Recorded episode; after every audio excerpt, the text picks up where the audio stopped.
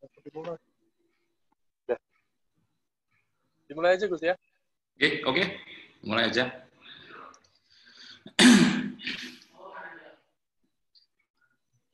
Baik, eh, Assalamualaikum warahmatullahi wabarakatuh.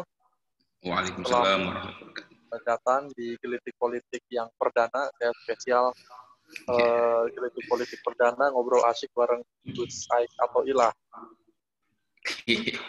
Karena saya gini Gus, ceritanya pengen punya kanal podcast, cuma agak hambar aja kalau suaranya doang gini kan. Terus ini lagi musim-musim meeting Zoom, jadi ada inisiatif untuk lewat Zoom dulu, kemudian Oh, iya. uh, uh, di record, masukin YouTube, dan Hmm. suaranya diambil jadi podcast. Oh, oke. Ada podcast juga menarik, podcast dengan video itu. Iya, uh, Spotify kan, karena kan Ya. banyak platformnya. Hmm. Uh, baik, pada malam hari ini kita akan uh, ngobrol asyik bareng uh, Gus Aik Atoilah atau Ahmad Atoilah. Uh, saya bacakan sebentar, uh, sedikit CV singkatnya. Gus Aik ini sekarang uh, menjadi anggota DPRD Provinsi Jawa Timur dari fraksi Partai Kebangkitan Bangsa. Riwayat pendidikannya di Pondok Pesantren Al-Falah Ploso Mojo Kediri, kemudian mengambil S1 di Universitas Muhammadiyah Yogyakarta, mengambil hubungan internasional. S2-nya Erlangga Surabaya, mengambil ilmu politik, lulus tahun 2017. Pengalaman organisasinya sebagai eh, anggota Komahi, Korps Mahasiswa Hubungan Internasional, kemudian Bendahara PW Ibnu Jawa Timur, kemudian Wakil Bendahara eh, Pengurus Cabang GP Ansor Jombang, dan saya lihat aktif di NU Gus ya. Ye. sampai terakhir ini wakil bendahara pengurus pusat himpunan pengusaha santri. Baik. Langsung saja nih Gus. Hari ini kita tepat pada tanggal 10 November di mana eh, diperingati sebagai Hari Pahlawan Nasional. Sementara sejarah yang kita ketahui bahwa resolusi jihad yang dideklarasikan atau Syekh Yahya Syahri itu ada kaitannya dengan eh, ada relevansinya dengan Hari Pahlawan Nasional seperti itu.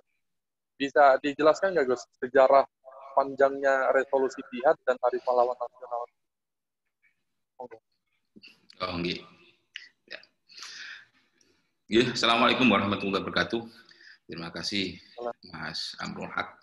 Ini sahabat saya sama di sekolah politik Nah, muda yang kreatif. Sebelumnya saya mengucapkan selamat hari pahlawan. Ini harus selamat hari pahlawan. Semoga spirit juga perjuangan dari pendahulu-pendahulu kita dalam memperjuangkan kemerdekaan Republik Indonesia dan juga dalam tegaknya negara kesatuan Republik Indonesia ini semoga spirit serta perjuangannya tetap ada di jiwa kita termasuk saudara-saudara kita milenial. Milenial generasi muda saat ini agar semangat patriotisme patriotisme perjuangan baik mempertahankan kesatuan Indonesia Republik Indonesia juga dalam memper, memperjuangkan untuk supaya Indonesia bisa berkembang lebih baik dan maju menuju Indonesia emas nantinya itu juga akan melalui dari anak-anak muda. Selamat Hari Pahlawan Nasional 2020. Dan juga memang posisi mulai Oktober kemarin ada tanggal 22 Oktober itu diperingati Hari Santri Nasional. Yang waktu itu tahun 2015 Presiden Joko Widodo menetapkan tanggal 22 Oktober sebagai Hari Santri. Ini merupakan semangat semangat baru nih bagi santri, semangat baru bagi santri. Di sini juga saya mengucapkan selamat dari santri. Ini selalu bertahap juga di bulan Oktober ini ada dari santri, Sumpah Pemuda, juga Hari Pahlawan. Itu selalu dilakukan terus. Itu menunjukkan bahwa peran-peran anak muda penerus terus perjuangan mbah-mbah kita. Bahasanya mbah-mbah kita, karena dahulu-dahulu kita itu di semua golongan termasuk santri itu dalam memperjuangkan kemerdekaan Indonesia, mempertahankan negara kesatuan Republik Indonesia sehingga saat ini tugas kita sebagai santri dan juga pemuda adalah semangat optimis semangat optimis semangat dalam hal khidmah terhadap agama bangsa dan negara termasuk negara kesatuan Republik Indonesia ini untuk supaya bisa tampil lebih baik lagi karena tangan pemuda itu perubahan lebih baik itu ada di tangan-tangan pemuda-pemuda penerus perjuangan pendahulu kita. Tanggal 22 Oktober, tanggal 22 Oktober yang diberikan dari santri itu tidak lepas dari sejarah mulai dari Mbah Hashim Asy'ari. Hadrusnya Mbah Hashim Asy'ari itu bersama para masyayikh, masyayikh, kiai-kiai ulama-ulama. Hadrusnya Mbah Hashim Asy'ari merupakan resolusi jihad yang di situ mengobarkan semangat para santri-santri, para kiai-kiai untuk mempertahankan negara kesatuan Republik Indonesia dalam melawan penjajah pada waktu itu setelah masa Belanda, Belanda kalah dari Jepang. Jepang menyerahkan juga kalah setelah ada bom atom itu, sehingga pada tanggal waktu itu proklamasi kemerdekaan Indonesia dari Presiden Soekarno dan juga Wakil Presiden Hatta itu memproklamasikan kemerdekaan Indonesia dalam posisi setelah itu ternyata Belanda mengajak para sekutu-sekutunya. Karena memang dalam sejarah Jepang itu diminta untuk sebelum ada perayaan-perayaan penguasaan Jepang, Jepang itu diminta untuk apa ya posisi untuk standby ada di daerah jajah-jajahnya. Akan tapi bangsa Indonesia sudah memper proklamasikan kemerdekaan Indonesia dan tersebar di semuanya daerah. Alhamdulillah Indonesia merdeka. Namun Belanda dan itu tidak terima dengan posisi itu sehingga pada waktu itu mengajak para sekutunya untuk menyerang Indonesia lagi, terutama dalam posisi pada waktu itu ada banyak info yang beredar bahwa kapal-kapal yang ada yang cukup dulu kapal-kapal laut yang yang di situ itu sudah mulai merapat di Trasate merapat di Tanjung di pelabuhan Surabaya. Hadir Syah itu disowani juga oleh Pak Sudirman, Bung Karno terkait dengan penyerangan Belanda dan sekutunya ada beberapa posisi saat itu para masyayikh, para ulama termasuk dipimpin oleh Habib Syekh, kita itu dalam di pondok pesantren itu segala sesuatu itu pasti dimusyawarahkan dengan salah satunya juga dengan istiqomah. Sehingga muncullah semangat dari perjuangan-perjuangan sebelumnya. Dalam kemerdekaan Indonesia itu banyak sekali para ulama seperti Pangeran Diponegoro dan saya santrinya. Wali-wali Songo dan juga saya santrinya itu bagaimana menghadapi itu supaya menuju kemerdekaan Indonesia. Pada titik di tanggal 22 Oktober itu akhirnya hasil istiqoroh dan kesepakatan dari para masyayikh Hadul Syekh mengeluarkan resolusi jihad. Yang mana salah satu yang isi dalam resolusi jihad itu kewajiban bagi segenap rakyat Indonesia untuk mempertahankan kemerdekaan Indonesia bagi yang ada di sekitar Surabaya dengan radius marhalah yaitu sekitar kurang lebih 100 sampai 200 km untuk wajib ikut berperang mengusir penjajah dari negara kesatuan Republik Indonesia. Resolusi jihad yang dikeluarkan oleh Habib Syekh Basim Asari inilah yang menggerakkan semangat para santri-santri, termasuk juga waktu itu yang terkenal juga Tomo, itu juga termasuk salah satu santri yang juga sowan ke Mbah Hasim Asyari, dan di situlah para para masayi seperti salah pendiri-pendiri Nahdlatul Ulama juga di bawah Habasullah, Mbah Bisi Samsuri dan Mbah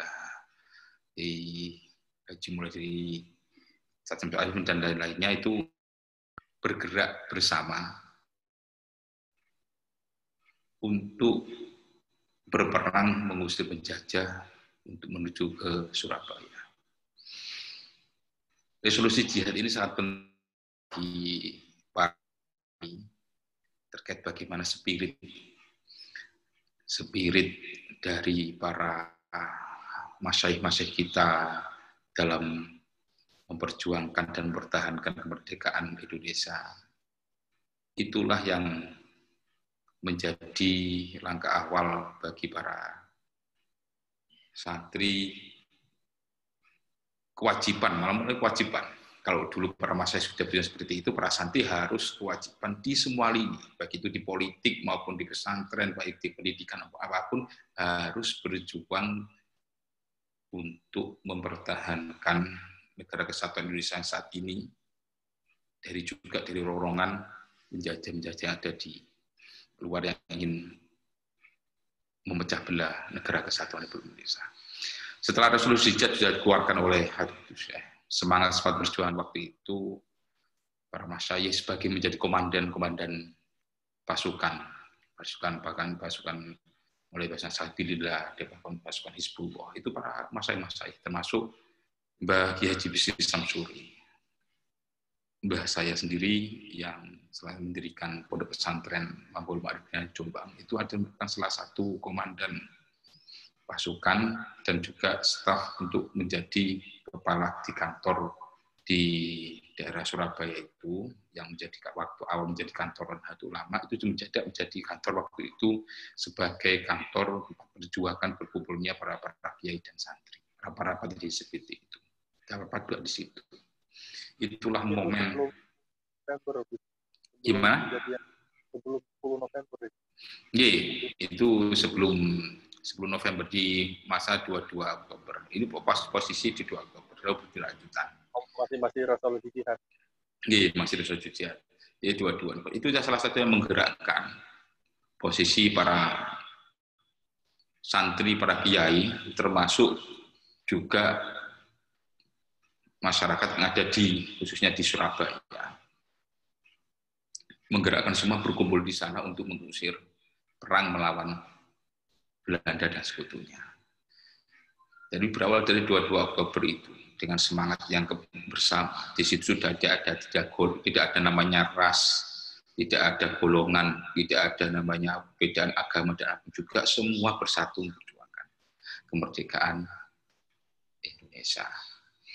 Sehingga proses di 22 Oktober, kita juga ingat di 28 Oktober, Hari Sumpah Pemuda yang kita tahu Sumpah Pemuda itu bahwa sesungguhnya pemuda-pemuda Indonesia itu sudah melepaskan namanya terkait bahwa aku adalah orang Jawa, aku adalah orang Sumatera, aku adalah orang Batak, orang Aryo, itu dilepaskan semuanya melebur menjadi sebagai putra putri Indonesia. Tidak ada namanya sekat-sekat terkait Yong Java, Yong Batak, Yong Madura, Yong itu yang terinti dari mulai 22, 28. Yang itu 28 sebelumnya Bang Muda.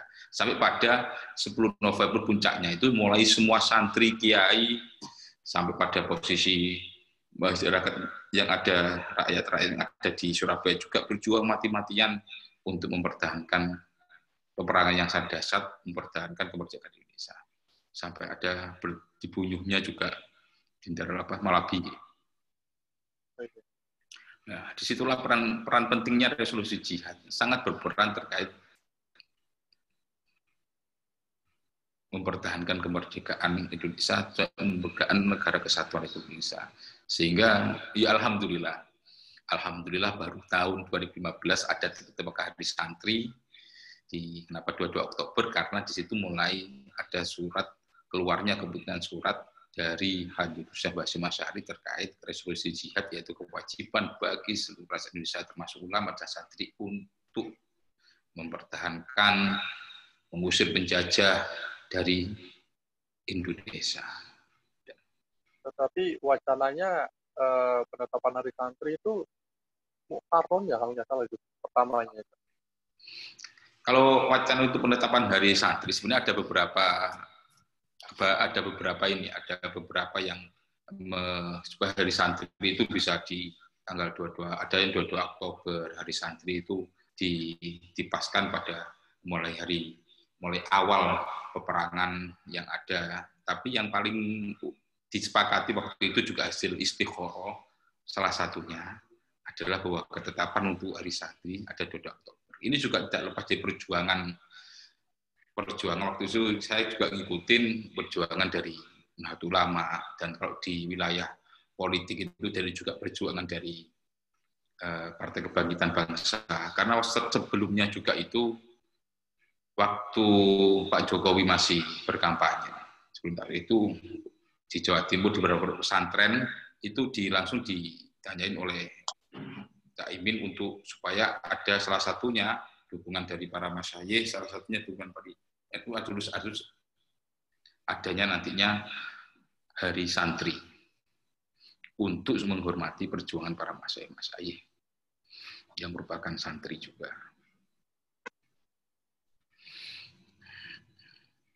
Terus dengan uh, setelah penetapan hari santri itu tahun 2015, kemudian yeah. ada uh, pengesahan undang-undang pesantren Undang-Undang Pesantren di 2019 kemarin. 19. Kira-kira dampak Undang-Undang Pesantren terhadap pesantren bagi pondok pesantren saat ini gimana nih? Ada dampak langsungnya nggak? Maksudnya apakah undang-undang itu hanya sekedar uh, pengakuan bahwa pondok pesantren adalah bagian dari uh, pendidikan Indonesia atau ada eh, dampak-dampak uh, lain mungkin? Setelah hari santri di tahun 2000 ditetapkan, itu kita ketahui bahwa saat itu juga memang memberi peringatan para kebiar kita dari para pesantren dari para santri-santri baik yang alumni santri pesantren maupun santri yang sudah posisinya alumni diri sudah menjadi alumni pesantren. Tapi sejatinya jiwa santri itu mulai dari pesantren maupun alumni itu tetap santri karakternya tetap santri. Itu bahasa alumni tetap santri. Ya proses apa pun di beberapa di legislatif, di eksekutif dan lain-lain itu banyak-banyak alumni pesantren menjadi posisi seperti itu. Setelah hari santri yang ada dengan di RMI PBNU, Robito Mahat Islami, dan juga dengan dari Partai Kebangkitan Bangsa, itu semangat mendorong untuk adanya pengakuan pemerintah dengan diterbitannya undang-undang. Jadi waktu itu yang menjadi yang ditunjuk oleh Partai Kebangkitan Bangsa dalam sebagai ketua pengawalnya itu adalah juga ya, dari Mas Ujung juga untuk mengawal supaya adanya undang-undang pesantren karena itu bentuk dari penghargaan, bentuk dari kepedulian pemerintah terhadap perjuangan dan pendidikan di pondok pesantren. Karena pendidikan karakter yang ada, pendidikan pondok pesantren itu punya kekhasan sendiri. Banyak sekali dari peneliti luar negeri itu cara pengajaran pengajarannya itu mengikuti cara yang ada di pesantren. Pesantren itu sebenarnya pengajarannya itu lima terutama dalam kelebihan ada dalam hal karakter, karakter akhlak tidak hanya sekedar nopo tidak hanya sekedar berkumpul belajar bareng kamu tapi berkumpul dalam pesantren itu berkumpul semuanya semuanya berkumpul di pesantren jadi urgent sekali memang undang-undang pesantren itu terus diterima. Dan alhamdulillah dari perjuangan dari Partai Kebangkitan Bangsa juga berkomunikasi secara dengan partai-partai yang lain, juga berkomunikasi dengan NU dan juga LPI, PBNU. Akhirnya keluarlah Undang-Undang Pesantren di 2019. Sampai saat ini, dari undang-undang pesantren yang ada, banyak sekali pesantren secara secara global pondok pesantren itu semakin diakui dan semakin termasuk dalam hal ijazah. Pesantren sudah macam-macam, mas. Kalau kita lihat pesantren, makanya di pesantren itu ada macam-macam. Maksudnya pesantren macam-macam itu ada pesantren yang di situ tidak ada sekolah-sekolah yang seperti SMK, MA, sekolah-sekolah formal. Banyak juga pesantren yang hanya mengaji pada kitab kuning.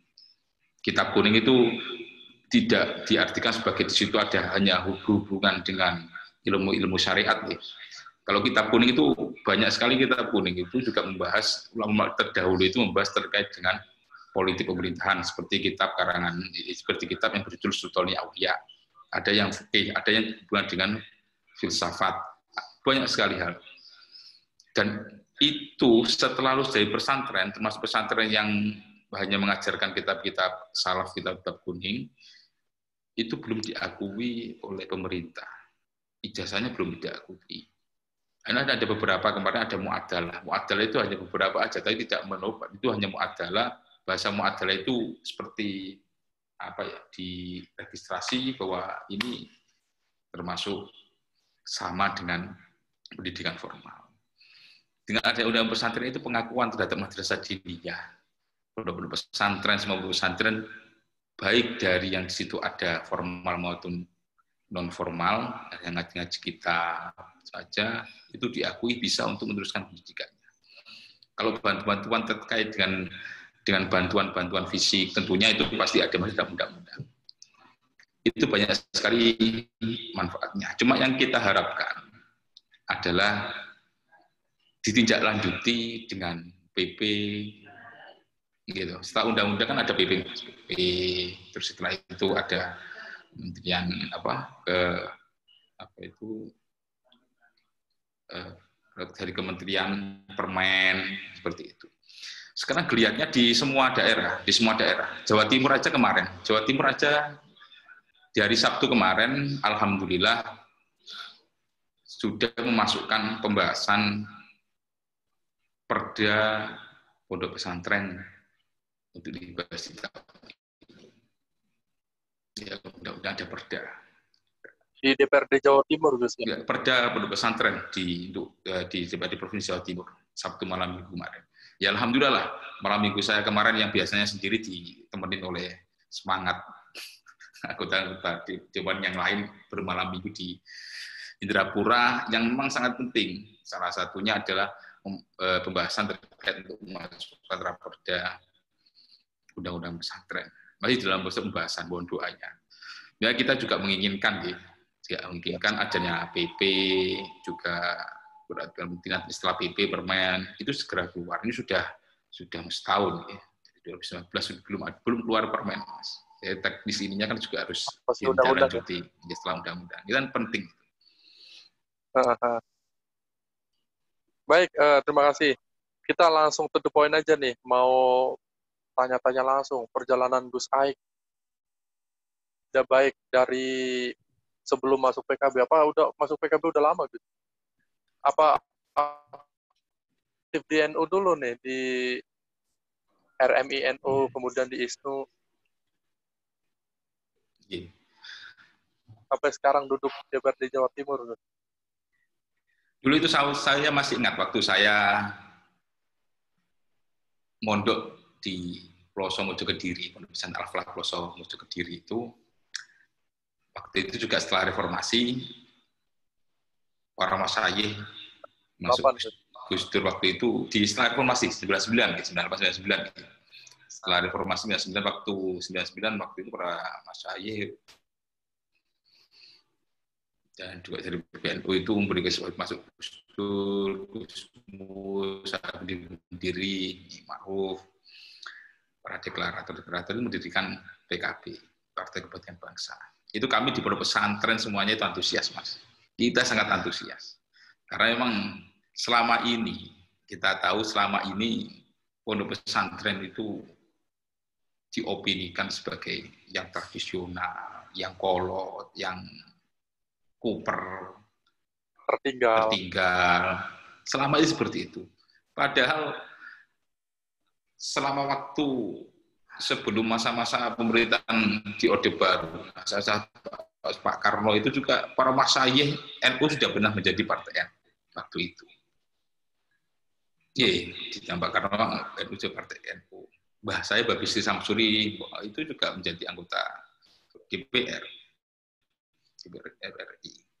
Banyak sekali masai-masai juga para kiai itu sudah masih politik-politik seperti itu. Sebenarnya kan sudah ada kemajuan dalam, padahal beliau-beliaunya ini juga yang mengajinya di Hadul Syekh Basim Asari, Syekhona Khalil Bangkalan, Mahfud termasuk mengaji musik kitab kuning. Jadi kitab kuning itu sebenarnya banyak ilmu selain ilmu syariat, ilmu politik juga ada, ilmu ekonomi juga ada.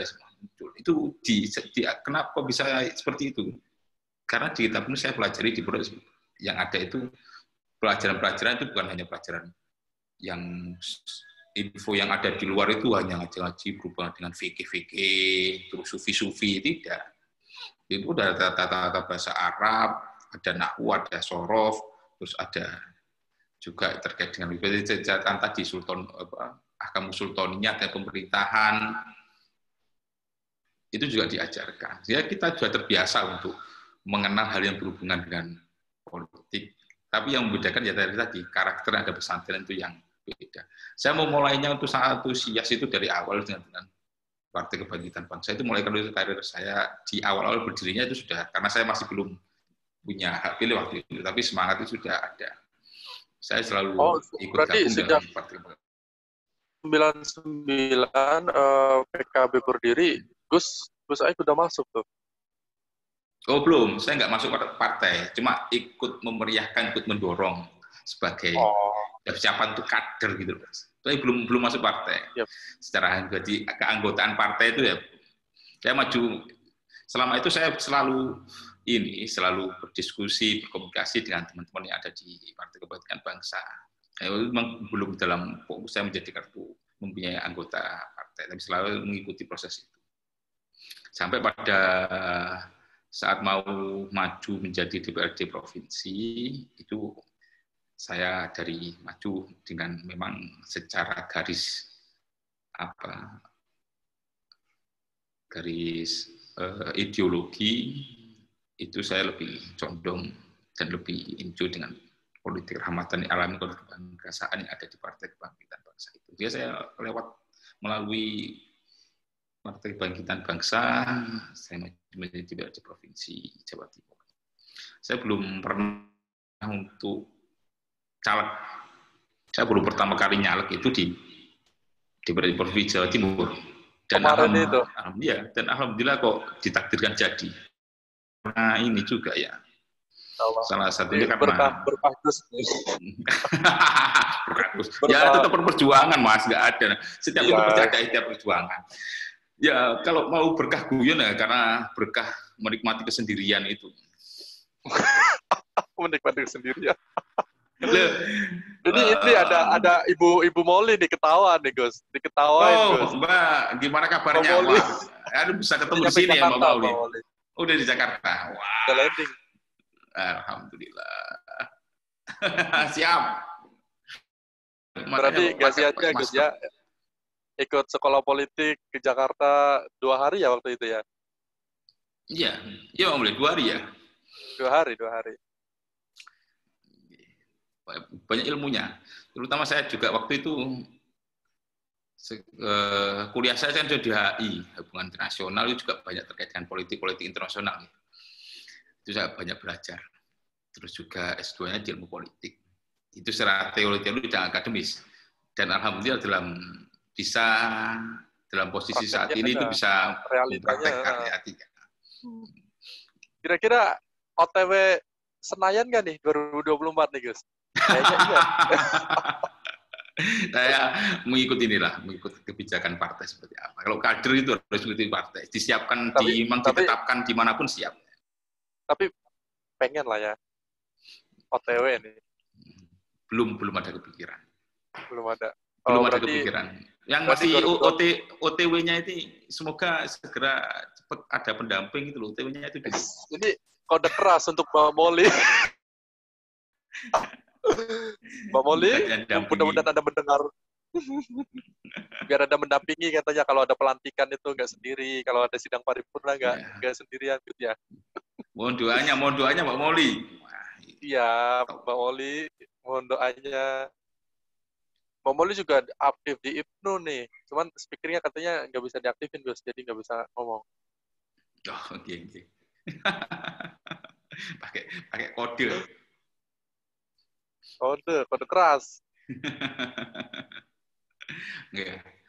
Tapi begini Gus, di PKB itu saya dengar-dengar ada stigmaisasi kalau PKB itu partai tanda kutip partai Gus gitu loh. Maksudnya partai orang-orang keluarga pesantren. Kalau kalau Anda uh, ada garis-garis uh, keluarga pesantren, pasti jadi kalau di tentang ya, stigma PKB dengan gitu. diskusi dan juga ngobrol-ngobrol dan melihat serta terjun langsung di wilayah itu tidak ada namanya. Tidak ada stigma dari partai PKB itu harus ada di situ mesti keluarga pesantren atau tidak banyak sekali dari di semuanya di anggota DPRD, DPR RI, pengurusan itu jadi teman-teman yang di luar itu maupun di lain agama juga ada.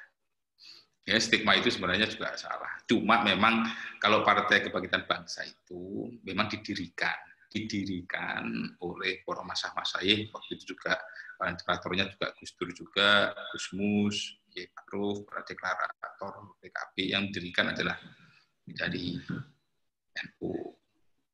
Tapi tidak ada namanya kalau keluarga KB yang di situ itu harus masih keluarga pesantren, masih tidak. Karena kita ini di Partai PKB Enggak, itu sengganya ini karena karena stigmatisasinya kalau kalau Anda bukan bukan Gus, naiknya itu lama, bisa naik tapi lama katanya gitu. Gimana tuh? Ya, tidak lah. Tidak. Dalam partai PKB tidak ada. Tetap, tidak tetap, ada. Uh, itu melalui bus yang ada. Loh, kalau kalau contohnya contohnya saya aja, Mas. Saya waktu mendaftar di PR provinsi, kalau memang stigma itu benar, mestinya saya itu di nomor urut yang dua atau tiga. Saya nomor urut lima loh, Mas. Yang dua, tiga, empat itu para kader. Kader-kader yang ada di wilayah itu, saya juga kader yang memang harusnya saya lima. Kalau memang stigma itu benar, mestinya saya nomornya atas.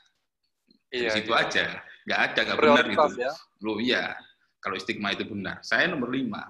Dan juga dalam proses untuk berkomunikasi dengan waktu itu menjadi calon di provinsi dengan ketemu dengan teman-teman sedulur-dulur yang ada di tapi saya kan di Bang Mojokerto, dulur-dulur maksudnya sedulur-dulur yang ada di masyarakat yang di desa itu juga saya nemoni ngobrol banyak sekali ilmu saya dapat.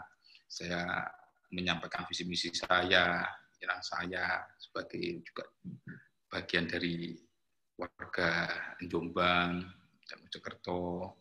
Di situ. Jadi stigma itu sangat tidak benar. Kalau stigma itu benar, saya posisinya nggak, nomor urut itu. Nomor 10. Hmm. Saya juga, jadi kader-kader yang ada itu tetap ada. Semuanya tetap kader, semuanya masuk kalau memang itu stigma itu kalau Gus itu gampang itu saya mestinya diurutan nomor, nomor atas lah nomor dua itu ternyata kan tidak ada tidak ada berarti itu. kampanyenya uh, coblos nomor lima itu sesuai dengan rukun Islam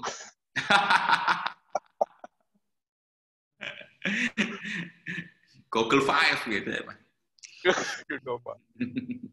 Berarti dapilnya itu uh, Mojokerto kabupaten kota juga. Dua-duanya, yeah. Gus. Mojokerto, Jombang ya. Iya, yeah, dapil saya itu Jombang, Mojokerto Kabupaten Kota. Ini kegiatan lagi reses apa udah pembukaan sidang lagi Gus DPRD? Mulai reses Mas. Reses oh, provinsi mulai barusan kemarin tanggal tanggal 8 sampai nanti tanggal 15 itu reses tiba di provinsi Jawa Timur. Ya, itu uh, kalau di pesantren sekarang gimana uh, tentang COVID-19, Gus? Aman aja, tetap dengan ngaji, tapi dengan protokol kesehatan, Gus ya? Iya, tetap menyesuaikan dengan protokol kesehatan. Di pondok pesantren, para santri ngaji-ngaji ada yang sudah di ada yang masih ada di rumah yang pakai daring, tapi sudah di pesantren sudah banyak sudah masuk, tapi di situ juga protokol kesehatan jaga. Jadi yang biasanya kita memang perjuangannya itu berat gitu tapi saya melihat teman-teman santri, terutama yang ada di Jombang, itu semangat belajarnya dalam kondisi, kondisi beban. Kondisi bebannya itu biasanya itu iso sungkem, bisa sungkem salaman dengan kiainya, bunyainya. Sekarang itu menjaga untuk tidak itu ada suatu beban tersendiri. Itu sudah menjadi saya yang seorang santri itu ketemu terus setelah juga salaman sama guru saya, sama kiai saya, sama punya saya itu menjadi beban tersendiri. Tapi yang salah satunya adalah husnudon ya, berpositif thinking atas apa yang terjadi untuk kebaikan bersama itu sudah terbangun karakternya. Sehingga tetap semangat belajar dalam kondisi meskipun setelah jamaah gitu jamaah juga di ada seperti protokol kesehatan yang ada itu di jarak-jarak seperti itu di setelah jamaah biasanya sungkem salaman dengan kiai nggak bisa itu santri itu merasa apa gitu oh, nangis gitu loh mas sedih Iya. sedih sekali. Tapi tetap semangat belajarnya, melihat semangatnya belajarnya itu alhamdulillah. Saya masih ingat waktu saya mondok itu masih ada banyak Rodia. Banyak Rodia itu garuanya Baca Zuli pendiri Pondok Ploso Mojo Kediri Al-Falah. Itu alhamdulillah saya masih menangi waktu itu mondok. Saya mondok itu di tahun 92 mulai mondok setelah lulus MI setelah lulus MI, MI SD, saya mondok. Itu dawuh, beliau dawuh itu nantinya apa pun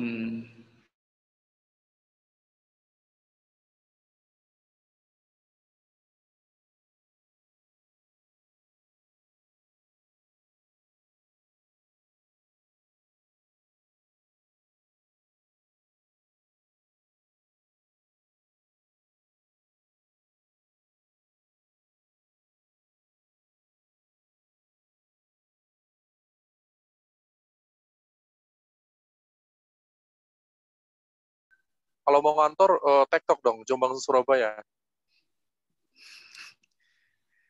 G, ng ng ngantornya dengan masa pandemi ini ya kadang-kadang oh. online.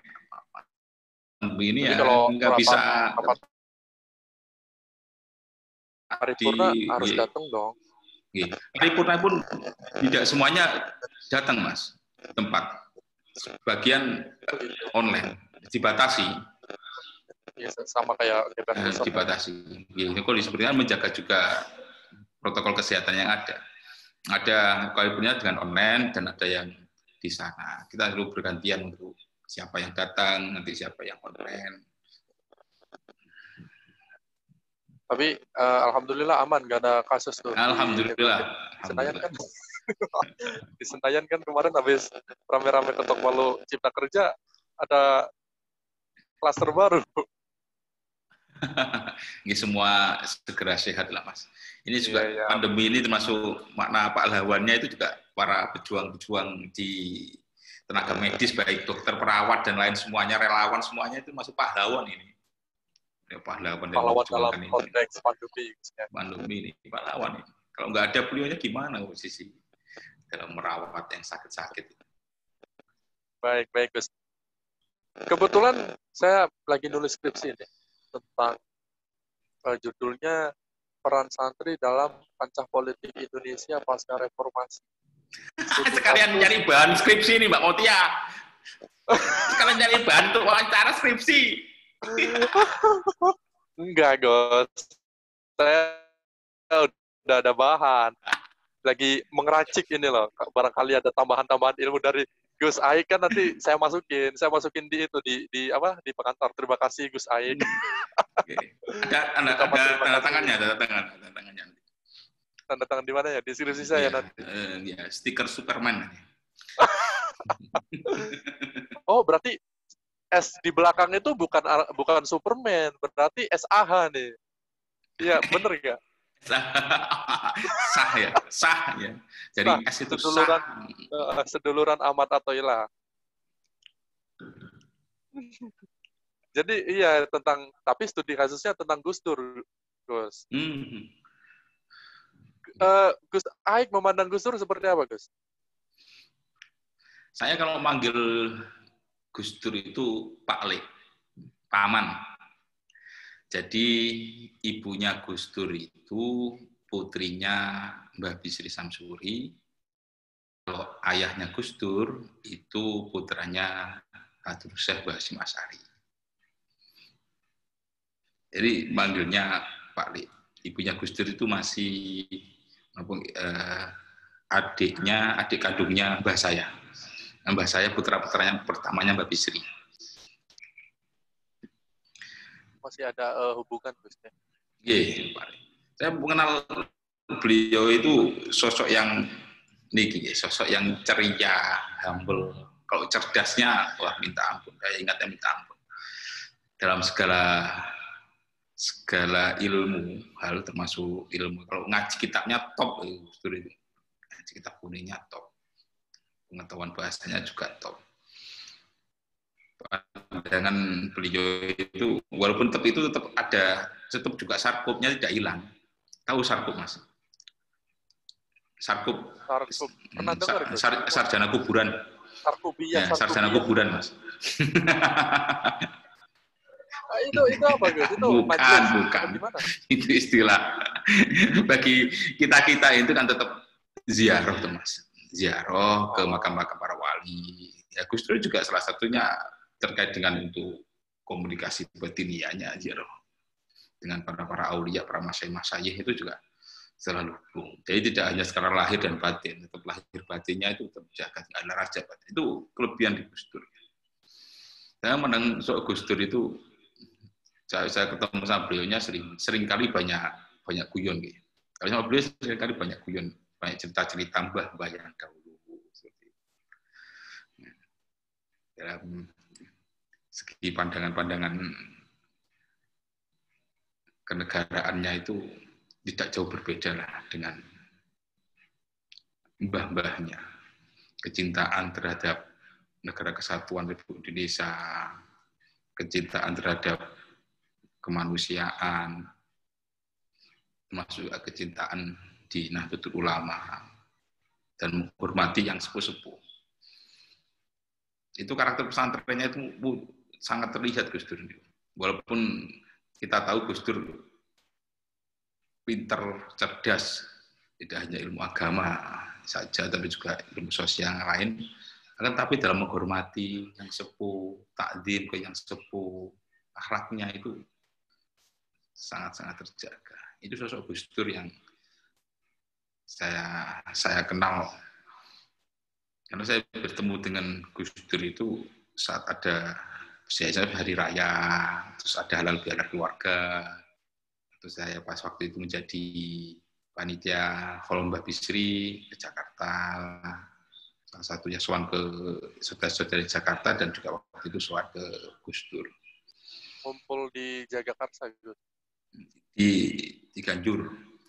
Oh, Ciganjur. Ya. Waktu di Ciganjur, saya... tapi Ciganjur kan bisa bukan. Ciganjur, Jagakarsa, oh, iya, Jakarta Selatan. Hmm. Iya, ya, di Ciganjurnya, di rumah beliau. Siap, siap. Uh, baik, terakhir nih Gus. closing statement uh, motivasi dari Gus Aik untuk santri Indonesia yang uh, sedang atau akan masuk berpolitik nih. Monggo.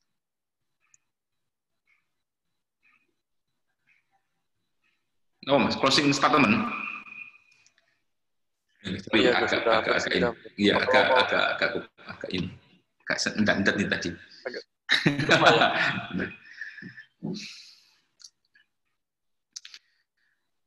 Santri Indonesia, bagi ada yang di Indonesia di luar negeri, banggalah untuk menjadi seorang santri.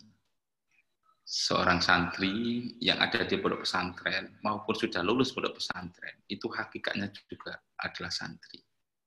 Santri juga sejauhnya Habib Hussein Basim Asyari, siapa pun yang mau khidmah, meladeni, membesarkan Nahdlatul Ulama, tak anggap santriku.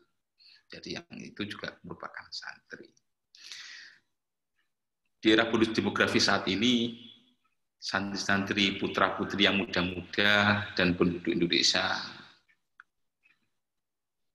ada sekitar 40 persen usia produktif termasuk santri-santri. setelah lulus dari pesantren yang punya kelebihan, punya hero, mengamalkan ilmunya dalam jalur politik, masuklah dan perjuangkanlah melalui jalur politik. Masuklah di partai untuk bisa memperjuangkan kepentingan masyarakat kepentingan bangsa negara, undang-undang. Karena politik itu adalah bagi santri, adalah seni untuk memperjuangkan kebijakan-kebijakan, mendorong terwujudnya aturan-aturan yang tujuannya untuk kemaslahatan masyarakat, dunia, dan akhirat. Tidak hanya dunia aja, kalau santri itu pasti ada dengan akhirat. Tujuan ke agama akhirat. Santri bisa berperan di mana pun, salah satunya juga di politik. Karena penting, masa-masa kita juga, saya santri juga berjalan politik, seperti yang cerita di Mbak Abis Suri juga di politik. Sampai terakhir sampai melahirkan undang-undang pernikahan. Itu atas perjuangan Habib Sri. Undang-undang pernikahannya ada di Indonesia sekarang itu ya perjuangannya Habib Sri Samsuri yang tidak lepas dari juga dari aturan agama Islam. Jadi santri, malu saya katakan harus juga masuk di wilayah politik. Harus masuk wilayah politik. Karena adanya kalau masuk di wilayah politik, kalau di legislatif, karena di situ untuk undang-undang, di wilayah undang-undang, kalau di situ tidak ada para santri, itu nanti undang-undangnya akan melahirkan undang-undang yang tidak bermanfaat, undang-undang yang di situ isinya malah akan bisa memecah belah bangsa dan lain makanya perlu anti. Karena kelebihan santri itu adalah karakternya adalah karakter akhlakul karimah, karakter kita yang di pondok itu karakter bagaimana kita uh, dalam hal tidak bisa dilakukan lagi untuk tetap menjaga negara kesatuan Republik Indonesia, melawan orang yang berusaha merongrong perpecahan di NKRI. Makanya harus ada malah semakin banyak yang di wilayah politik dan jangan sampai melepaskan kesantrian di mana pun karakter kesantrian itu ada. Jadi pemuda-pemuda santri putra maupun putri yang punya hero untuk politik belajarlah beredukasilah terkait dengan politik karena di situ juga merupakan eh, lahan dakwah bagi kita untuk memperjuangkan NKRI merjuangkan agama, bangsa, dan negara melalui jalur politik. Itulah yang harus dilakukan oleh santri sehingga yang muda-muda saat ini ada akan menjadi pemimpin masa depan. Bonus biografi loh mas, jenengan-jenengan ya. santri itu harus itu masih politik. Uh, itu apa uh, istilah Arabnya itu subhanul yaum di jalur ghad. subhanul yaum. Pemuda saat ini adalah pemimpin masa depan. Santri saat ini juga adalah pemimpin masa depan. Pemuda gunakanlah dengan teknologi yang bijak. Lawanlah itu teknologi-teknologi hoax. Harus dilawan itu. Itu karena itu salah satu teknologi itu adalah alat. Sehingga harus ada yang ingin merongrong-rongrong pepecahan NKRI harus dilawan juga lewat teknologi. Dan itu juga peran santri juga juga di wilayah itu harus semakin banyak. Berarti politik juga e, menjadi jalur istihad ya, jalur jihad. Santri kalau ya, politik, politik kalau politik itu kan merupakan wasilah, mas. Wasilah itu hanya jalan, bukan tujuan. Tujuannya tetap untuk kesejahteraan, kemaslahatan dunia dan akhirat. Jadi politik itu kita tahu ya, di, di legislatif sebagai perda yang ada, undang-undang yang ada. Nah kalau di situ nggak ada santri nggak akan muncul mas undang-undang pesantren. Ya kan harus diteruskan, diperjuangkan, juga diteruskan lebih baik lagi bagi santri putra, santri putri yang saat ini sedang menimba ilmu, nantinya lulus, ya harus ada yang meneruskan dari perjuangan para masai-masai pendiri atau pendiri bangsa Indonesia. Penting itu, makanya harus masuk di wilayah politik ya, sangat dibutuhkan. Baik. Uh, cukup Gus, apa lagi mungkin? Iya, cukup. Al-hafadatu ala qadis someh wal ahdu jadi aslah. siap, siap. Uh, baik, uh, sampai di sini perjumpaan kita ngobrol asik bareng Gus Aik Atoilah, anggota DPRD Provinsi Jawa Timur, yang mudah-mudahan 2024 OTW Senayan lah, Gus. 24 OTW Senayan. Biar berjenjang. 2024.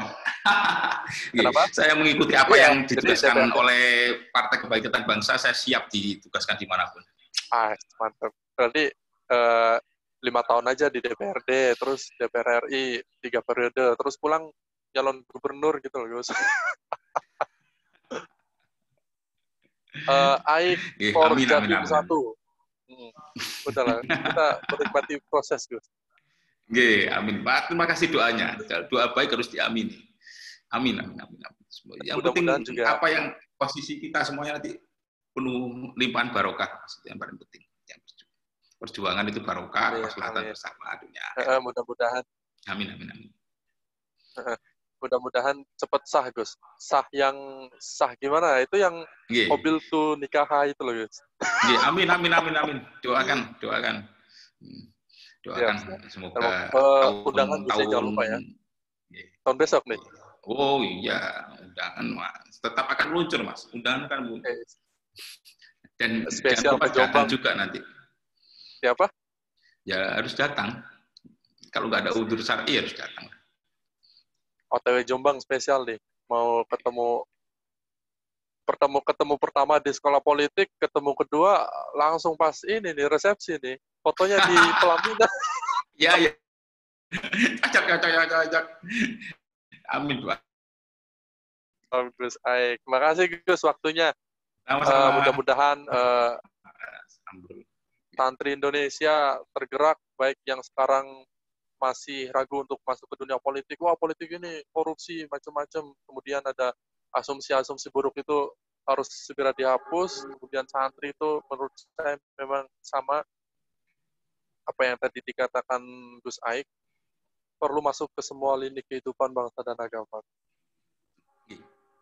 Terus jadi tidak serta merta uh, santri terus kemudian jadi ustadz gitu kan. Okay. Kalau